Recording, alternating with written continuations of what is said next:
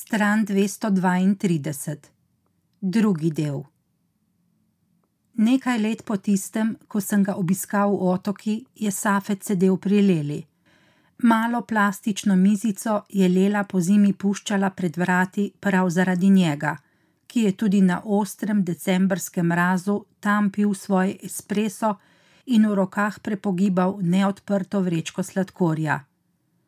Bili so časi odsotnih pogledov, ko je imel vsak svoj razlog za zrenje v prazno, in Safeta ni med popoldanskim posedanjem nihče vznemirjal. Tistega dne pa je preden na mizo priletel časopis. Ovo je za tebe, Janeze, je zadonev Mahirjev glas. Mahir se je med vojno z družino odselil v Zagreb. Ob vikendih je v otoki obnavljal svojo staro hišo, kamor se je nameraval vrniti, ko bo, ako Bog da, dočakal penzijo. Ostalo nekome na avtobusu, je rekel in vstopil v lokal na toplo. Safet mu je pokimal. Časopis je pustil ležati tam, kamor ga je Mahir odvrgal in se obrnil nazaj k nedoločni točki nekje na koncu ulice, v katero je bil zagledan. Nato se je vrečka sladkorja med njegovimi prsti strgala in bela zrnca so se raztresla po mizi in njegovem naročju. Ponavadi je bil to znak za odhod. Vzdržljivost vrečke je bila namreč enaka njegovi vzdržljivosti za posedanje pred lelinim lokalom a ko je Safet z roko pometal sladkor z mize, se mu je pogled ustavil na časopisu. Izvod ljubljanskega dela je bil star slaba dva tedna in mehanično je začel listati delove papirne plahte. Malo zato, da izpoštuje Mahirja in njegovo prijaznost, malo zato, ker so časopisi tu, da jih prelistamo. V resnici ga sploh ni zanimalo, kaj v delu piše in kmalo ga je, ne da bi prebral en sam naslov ali pogledal eno samo fotografijo, odrinil na rob mize. Ničesar niso v njemu zbudile slovenske besede in podobe ljubljane. Časopis kot vsak drug, kup tankega sivega papirja, v katerega se lahko zavije umazano orodje. Ako je Safet Leli pokazal, da bi rad plačal svoje malo pivo, mu je pogled še enkrat ušel proti časopisu na mizi in imenu na največji izmed osmrtnic. Stane dolanc je pisalo z velikimi debelimi črkami. Primaknil je časopis bliže in na majhni sliki prepoznal nekdanjega jugoslovanskega notranjega ministra. Gledal je njegov podbradek, ki je zabrisoval robove obraza, debele okvirje njegovih očal znotraj katerih so bile njegove oči videti kot črne pikice. Pregibajoče se salo njegovega trebuha in starostno plešo, ki se je razraščala po njegovi glavi in večala njegovo čelo. Gledal je tega malce izmaličenega starca in se spraševal, zakaj ga pogled na njegovo fotografijo in ime pod njo zbada v trebuhu in zakaj to zbadanje ni neprijetno ampak mu na neki čuden način ugaja. Preletel je še druga imena na osmrtnicah, toda njegovo telo se na nje ni odzvalo, zato se je vrnil k stanetu. Ničesar mu ni pomenilo to ime, le bežno se je spomnil, da je mož s tem imenom obstajal. A njegova osmrtnica je v Safetu nekaj prebudila, nekaj drobnega, Toda tam, kjer je bilo toliko let vse mrtvo, je bil velik tudi najmanjši dražljaj. Obrnil je stran in skril staneta dolanca pred seboj. Nikoli ni razmišljal o Ljubljani in o tem, kdo tam zgoraj živi in kdo umira.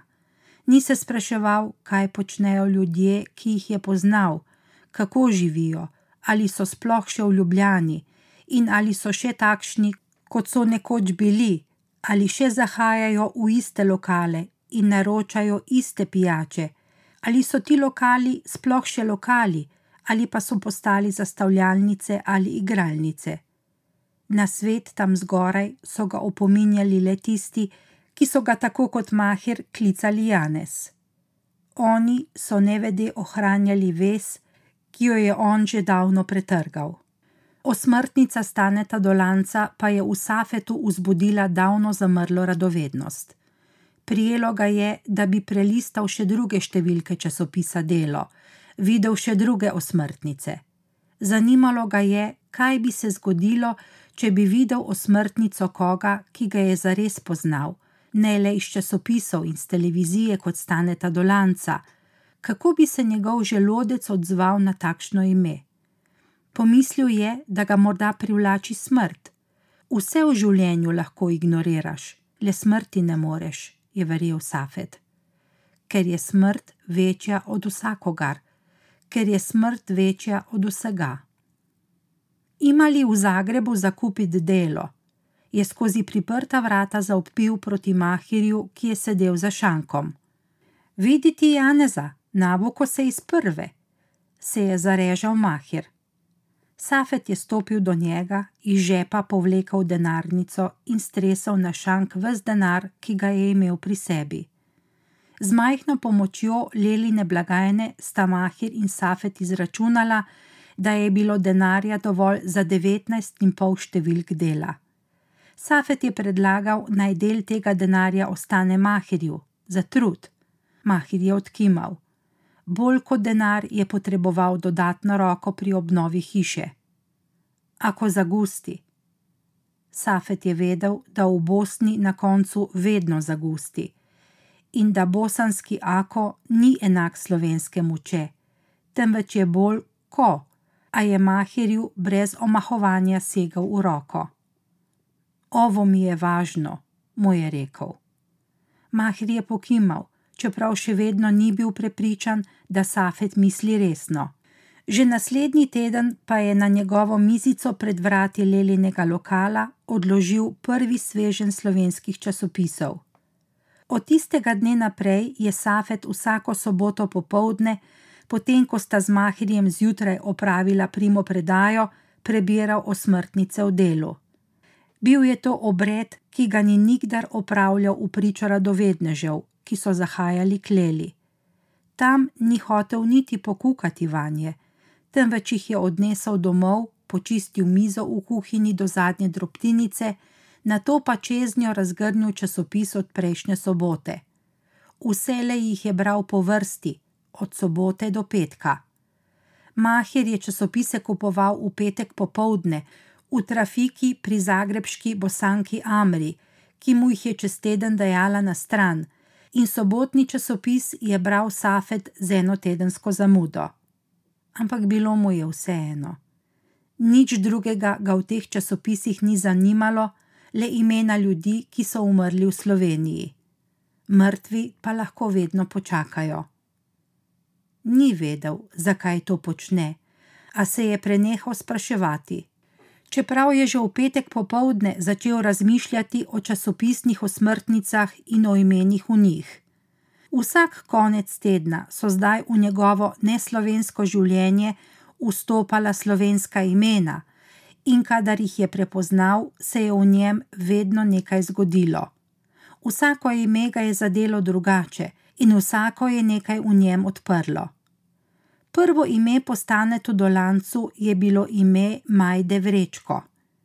Ni se mogel spomniti njenega obraza, saj jo je srečal le dvakrat ali trikrat in še to pred mnogimi leti, še preden je ta stroga gospa odšla v pokoj in pretrgala stike z nekdanjimi sodelavci v nabavnem oddelku Kolinske.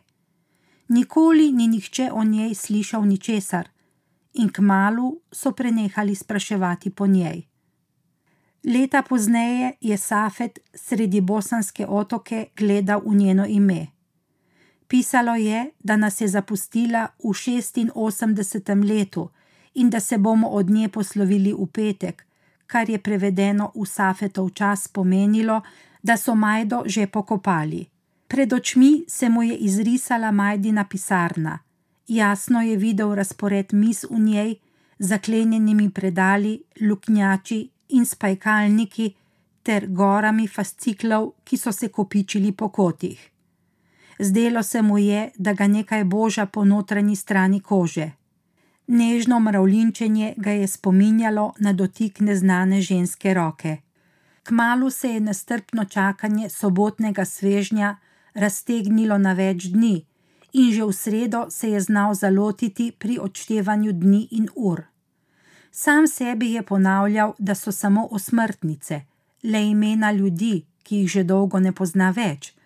Poskušal jih je odmisliti, a se je vedno znova zagledal, kako sedi pred odprtim časopisom, in prevzel ga je spomin na prijetno vznemirjenje. Naslednjo soboto ni bilo na osmrtnicah nobenega znanega imena. Ni bil razočaran. Celo razveselil se je te svoje ravnodušnosti. Verjel je, da ga zanimanje za mrtve mineva, da se osvobaja te čudaške potrebe. Pomislil je, da bi odšel k Mahirju in mu povedal, da časopisov ne potrebuje več. A do ponedeljka, ko se je Mahir vračal v Zagreb, se ni Safet niti približal njegovi hiši. Nekaj ga je držalo daleč stran od nje.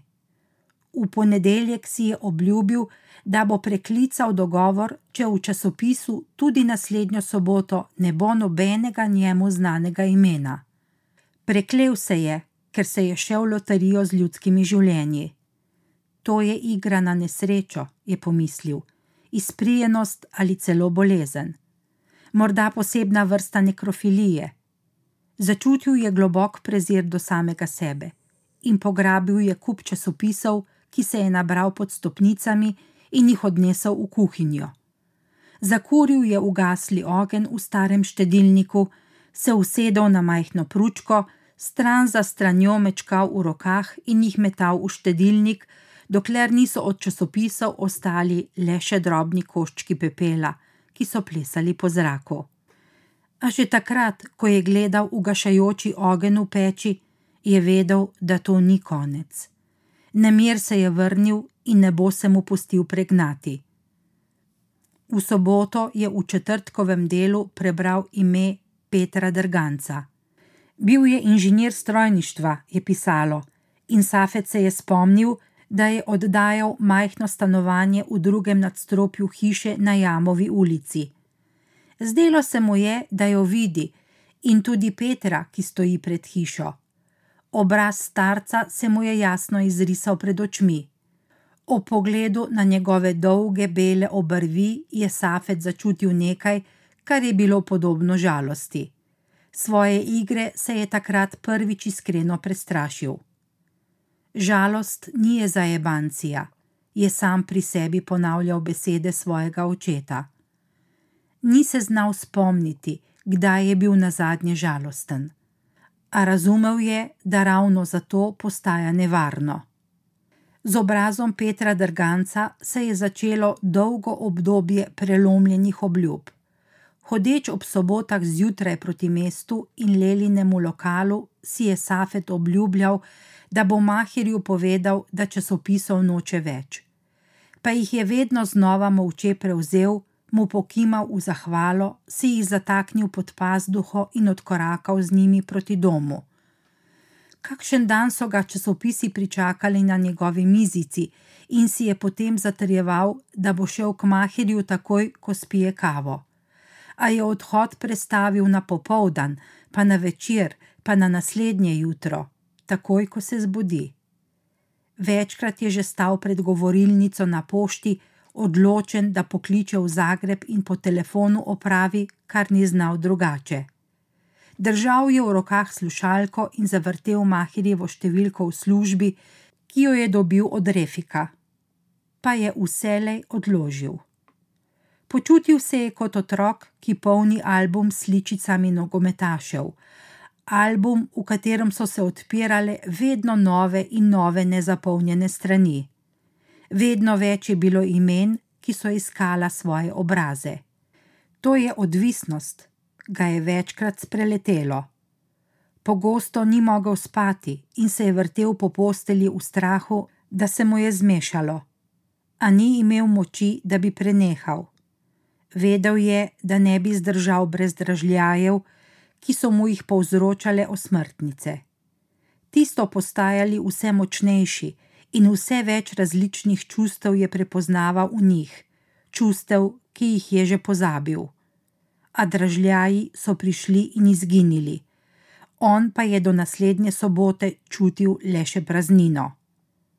Leta je preživel v otopelosti, leta, ko ni čutil ničesar, toda nikdar se ni počutil tako izpraznjenega kot sedaj. Što pišu ti tvoji slovenci? ga je nekoč, ko mu je izročal časopise, vprašal Mahir. Što pišu o nama? Safeta tuje besede že dolgo niso dosegle, a ob tem vprašanju je odrvenel. Nikdar ni v časopisih prebral ničesar razen osmrtnic in ni imel pojma, kaj je pisalo v njih. Prestrašil se je, da ga bo Mahir razkrinkal in tu pred Lelo in Refikom odkril njegovo bolestno navado, in da bo on, Safet Dizdar, obveljal za še enega norca na odprtem oddelku velike norišnice Bosne. Ludi Janes bodo za njim upili otroci. Stran 238. Na njegovo srečo pa Mahirja v resnici ni zanimalo, kaj piše v delu o bosancih ali o čemerkoli. Še manj ga je zanimalo, kaj v slovenskem časopisu prebira Safet. Znam ja njih. Oni o nama pišu v rubrici Životinsko carstvo. Mahir se je zasmejal svoji šali in že naslednji trenutek v njegovi glavi ni bilo več ne dela, ne Slovenije, ne Safeta a misel, da bi lahko kdo izvedel za njegovo obsedenost z osmrtnicami, je Safeta preganjala še dneve. Otočani so v njem še vedno prepoznavali tujino, iz katere je prišel. Za nje je ostajal slovenac, Janez, prišlek. V skoraj desetih letih bivanja v rojstnem kraju svojega očeta se Safet ni naučil biti bosanec, še manj bošnjak ali musliman, kakor se ni v Sloveniji nikoli naučil biti slovenec.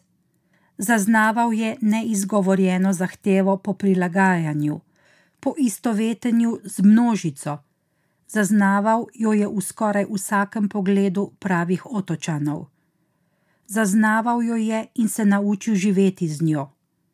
A biti Turčin v rojstnem Kragujevcu, Bizantinec v Sloveniji ali Janes v otoki je bilo eno vse to je znal in zmogel biti. Biti obsedenec smrtjo pa nekaj povsem drugega. Prvič v življenju se je pred drugimi sramoval samega sebe, in občutek sramu je bil prvo občutenje, ki je ustrajalo v njem. Vznemirjenje, ki je v soboto prišlo z novimi osmrtnicami in imenom Miloša Jankoviča, starega natakarja v restauraciji Čat, ga je le za hip preglasilo, na to se je osramočenost spet vrnila in preraščala v tesnobo. Ko se je zjutraj prebudil, jo je poiskal v sebi, pustil, da se razlije po njem. Zdaj ni več dvomil, spet je čutil. Noč potem, ko je videl osmrtnico Gordane Cvič, lastnice trgovine s pisarniškim materialom na Rojčevi, se je Safetu sanjalo o njenem možu Radenku. Skupaj sta sedela na vrtu šestice, Radenko pa je neprestano klical natakarje in naročal nove porcije hrane. Njuna miza je bila polna, na njej ni bilo več prostora, in natakari so pladnje s hrano in vrče vina odlagali na mize drugih gostov, ki so se pritoževali njemu in Radenku. A ta se ni zmenil za pritožbe in je naročal naprej. Za eno od sosednjih mis je sedel tudi Jure Gostiša, Safetov nekdani sodelavec. Safet ga je vprašal, ali je še živ, in Jure je rekel, da ne, da je umrl pred leti, da je bila usmrtnica v delu. Kaj pa tvoj brat, Grega? ga je vprašal Safet. On je živ, je rekel Jure, Simona pa je umrla. Simona Rakovec, Boris Tutkovski, Ilda Weber. Kostiša je našteval imena umrlih. Nekatere je Safet poznal, drugih ne. Gostiša mu je kazal njihove osmrtnice, da bi ga prepričal, da so zares mrtvi. Safet je stopil do mize, za katero se mu je zdelo, da sedi Veronika Šarec.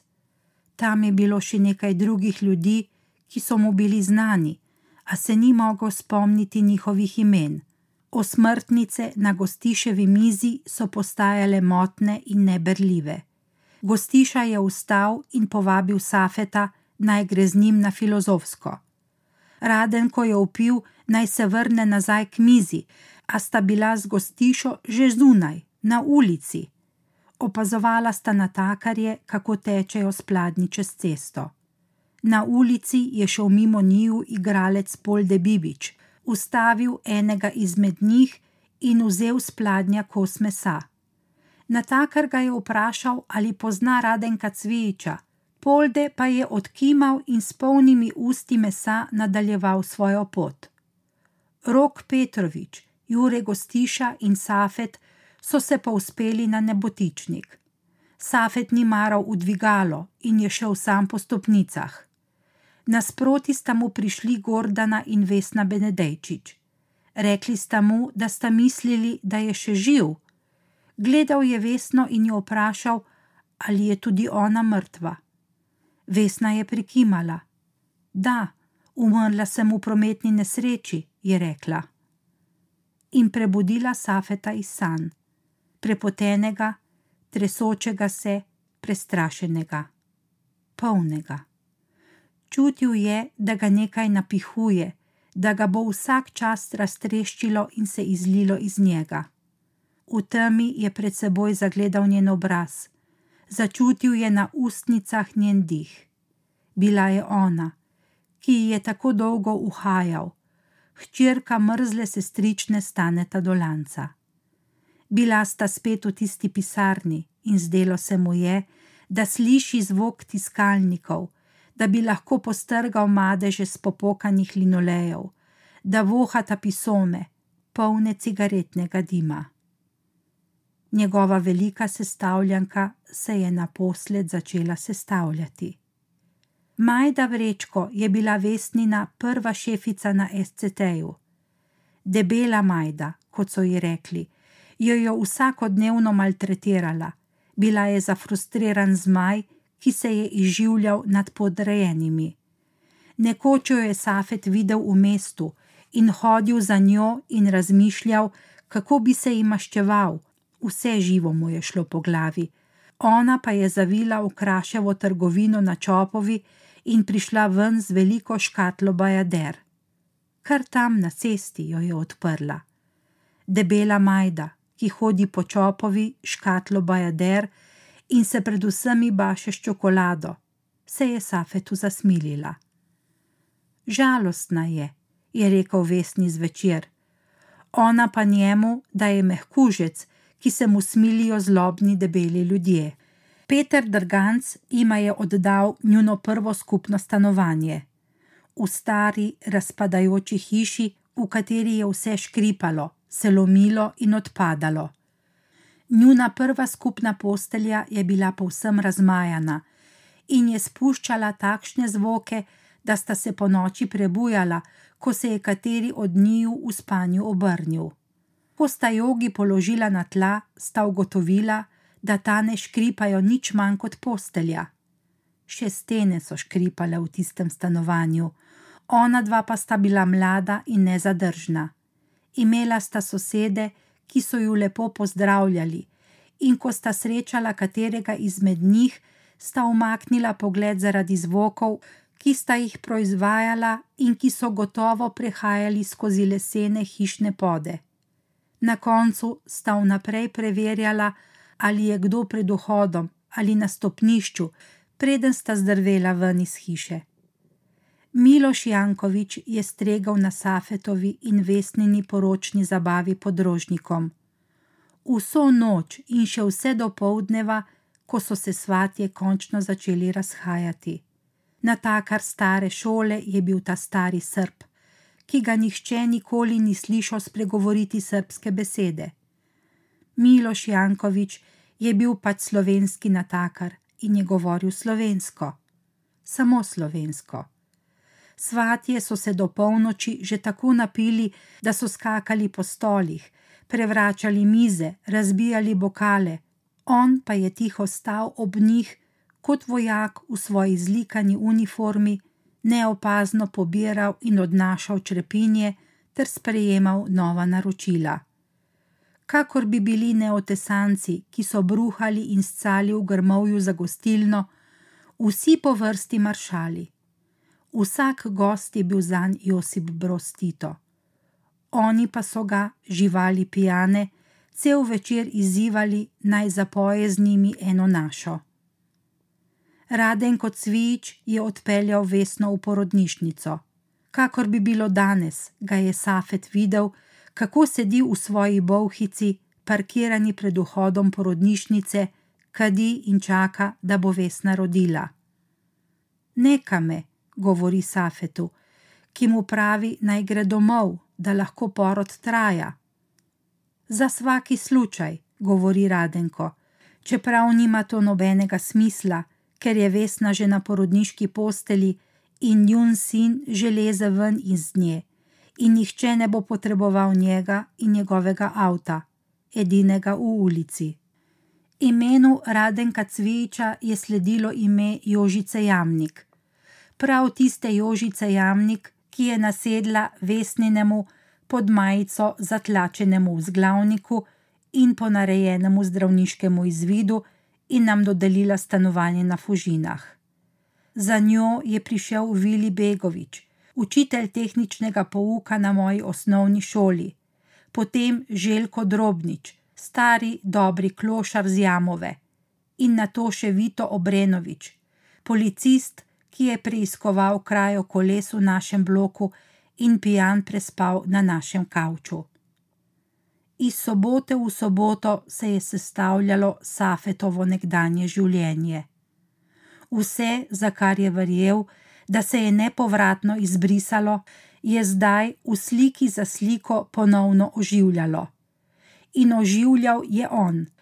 Z vsakim znanim imenom na osmrtnici so se v njem prebujali posamezni prizori in prizorišča iz njegovega ljubljanskega življenja znova je zagledal pozabljene obraze, opustošene ljubljanske ulice, lokale z aluminijastimi barskimi stoli in prepolne sobice najetih stanovanj, v katerih so se zbirali študentski prijatelji. Spet so bili mladi in brezbrižni, sprijaznjeni s preživljanjem v svetu, ki ni ponujal veliko, razen vselej polnih sob in mis, preobloženih z narezki, cenenim žganjem in ogorki cigaret. Nekje v ozadju se je slišalo tisto malo dobre glasbe in tistega malo smeha zadnje generacije, ki je iskreno verjela, da nima kaj izgubiti. Z vsako novo sliko je bil Safet bolj živ. Vsaka sobota ga je vračala nazaj. Ko je odšel iz Ljubljane, je v sebi potlačil eno celo življenje. Da je lahko preživel svoj odhod, je moralo vse v njem zamreti, predvsem njegova ljubezen. In zdaj jo je na novo obujal. Košček za koščkom jo je sestavljal kot mozaik, ki je z vsakim dodanim delčkom postajal mogočnejši in lepši. Bila je le slutnja ljubezni, ki ga je hkrati privlačila in ostajala nedosegljiva, a on jo je sestavljal naprej, v veri, da jo bo nekoč spet začutil, silovito kot nekoč.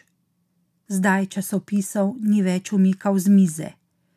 Cele popoldneve in večere je lahko presedel ob njih, gledal je imena na osmrtnicah in sestavljal svojo zgodbo. Sestavljal sebe. Ko se je Mahir upokojil in vrnil v otoko, je Safet za več tednov ostal brez časopisov in osmrtnic. Sprva je vraževerno pomislil, da je to znak, ki mu sporoča, da mora prekiniti s to norostjo. Že k malu pa je obupan začel prečesavati mesto v iskanju koga, ki bi potoval v Zagreb ali Slovenijo. Ustavljal je neznance na ulici, trkal ljudem na vrata, a brez uspeha. Našli so se takšni, ki so potovali, vendar nihče redno in nihče, na kogar bi se Safet lahko zanesel.